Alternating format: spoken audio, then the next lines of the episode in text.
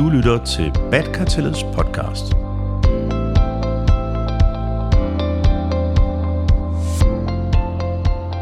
Welcome.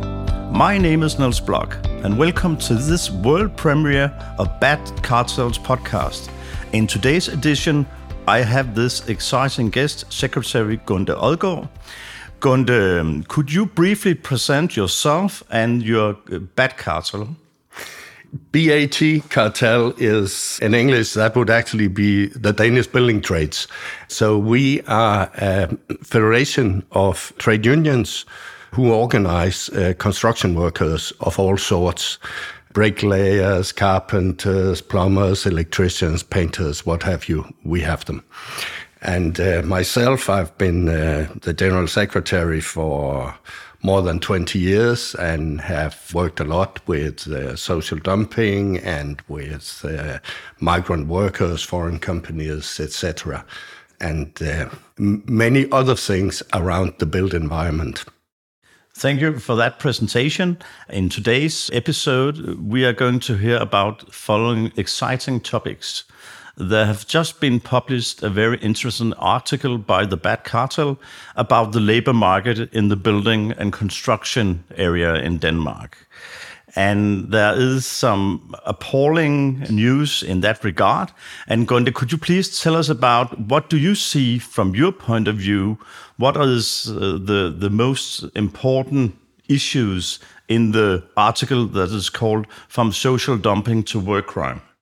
The most important development we have seen was that in the beginning, when we saw an influx of, of migrant workers into Denmark more than 20 years ago, they were working on small, isolated projects, predominantly in the informal economy. Now we see that the big infrastructure projects, the big public projects around uh, building hospitals, etc., is now predominantly undertaken by foreign contractors using long chains of subcontractors, temp agency, manpower agencies, and uh, bogus self-employed. And that creates a lot of problems for our collective agreements, for the way that we try to uphold uh, the standards and the compliance towards the Danish labor market model and, and the way that we act and behave inside the whole system of collectively bargained agreements that set out the major terms and conditions for wage, working time, holiday, pension, etc., etc. Very little in Denmark is decided by law concerning our labor market. It's up to the, the employers, organizations, and the trade unions to negotiate, decide, and guarantee the compliance to the system. And with a huge influx of foreign companies on big projects in Denmark, that has become more difficult. The, the game has changed the rules may be the same, but they don't want to follow the rules, and the players are new. Yeah, thank you. In, in that regard, I believe there's a lot of money laundering. If you read the article, there's a lot of called money collector, violence, threat, intimidation, and and if, in in sort of saying those, those words, it's not normally something that you will associate with the Danish society. No, it's not. Uh, usually, we have been like a very like confidence-based society, also in in our wheelings and dealings when it comes to tendering contracts, etc. That we tend to to believe each other. We cannot do that anymore in to the same extent uh, as we used to, because many of the foreign companies actually thinks that they have found paradise with this confidence-based model of ours or, or the conceptualization of having confidence in each other. So what we see is, is a lot of, of fraudulent behavior and direct uh, criminal activities. What we see most when it comes to the collective agreement is actually that foreign workers get a payslip saying working 37 hours, that's in the collective agreement, but they work 55 or 60 hours and are not paid for the remaining hours. There's no overtime pay. Sometimes we see also money collectors where when people get their salary, they take them to the cash machine, they take out cash and give it to the money collector and it's transferred back into the into the company into the employer or we see that they have to pay for uh, airfares they never received or huge rents uh, for accommodation etc etc so the whole kickback system from migrant workers to the companies is very much organized.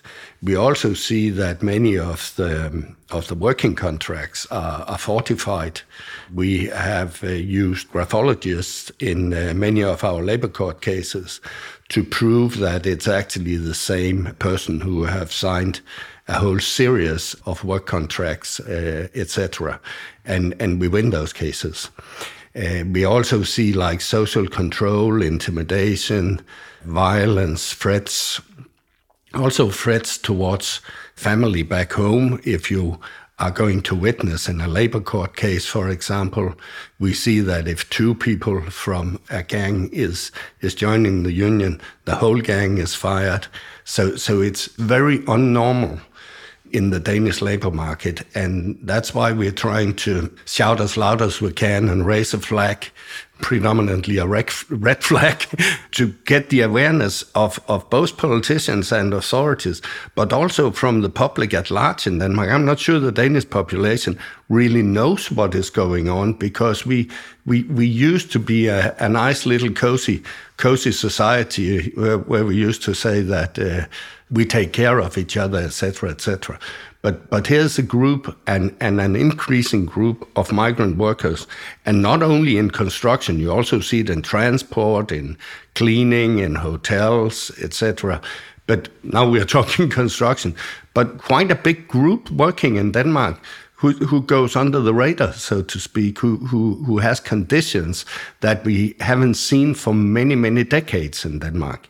And when we talk to, to the labor inspectorate on, on health and safety, they say exactly the same, that some of, some of the conditions they see uh, regarding health and safety on Danish building site and elsewhere is absolutely appalling.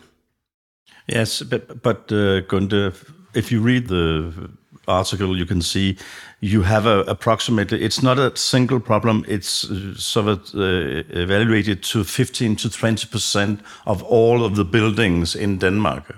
And that's a major, major problem, a major, major concern. But could you elaborate us in what are the, in, from your point of view, how do we solve this?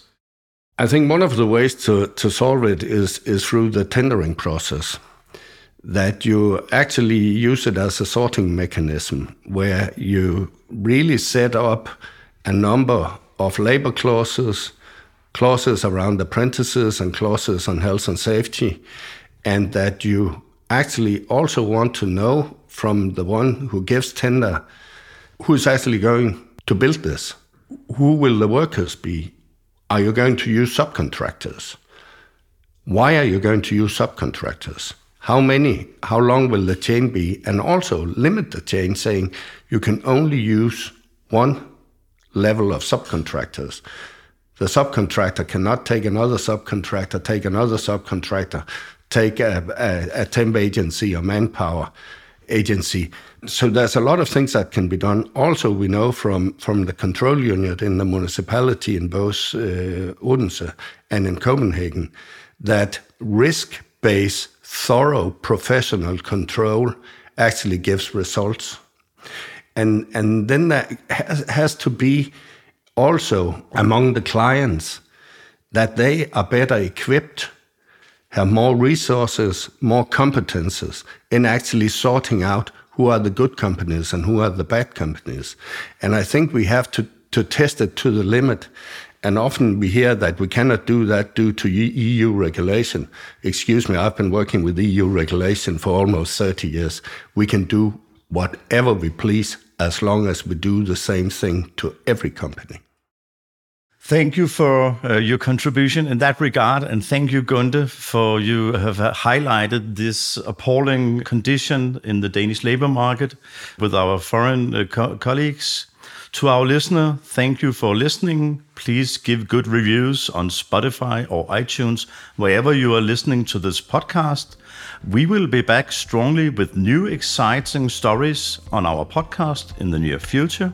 Remember to tell all your colleagues where you can find our podcast, as well as we have normal podcast platforms. My name is Nils Block. Thank you for this time and thank you for listening.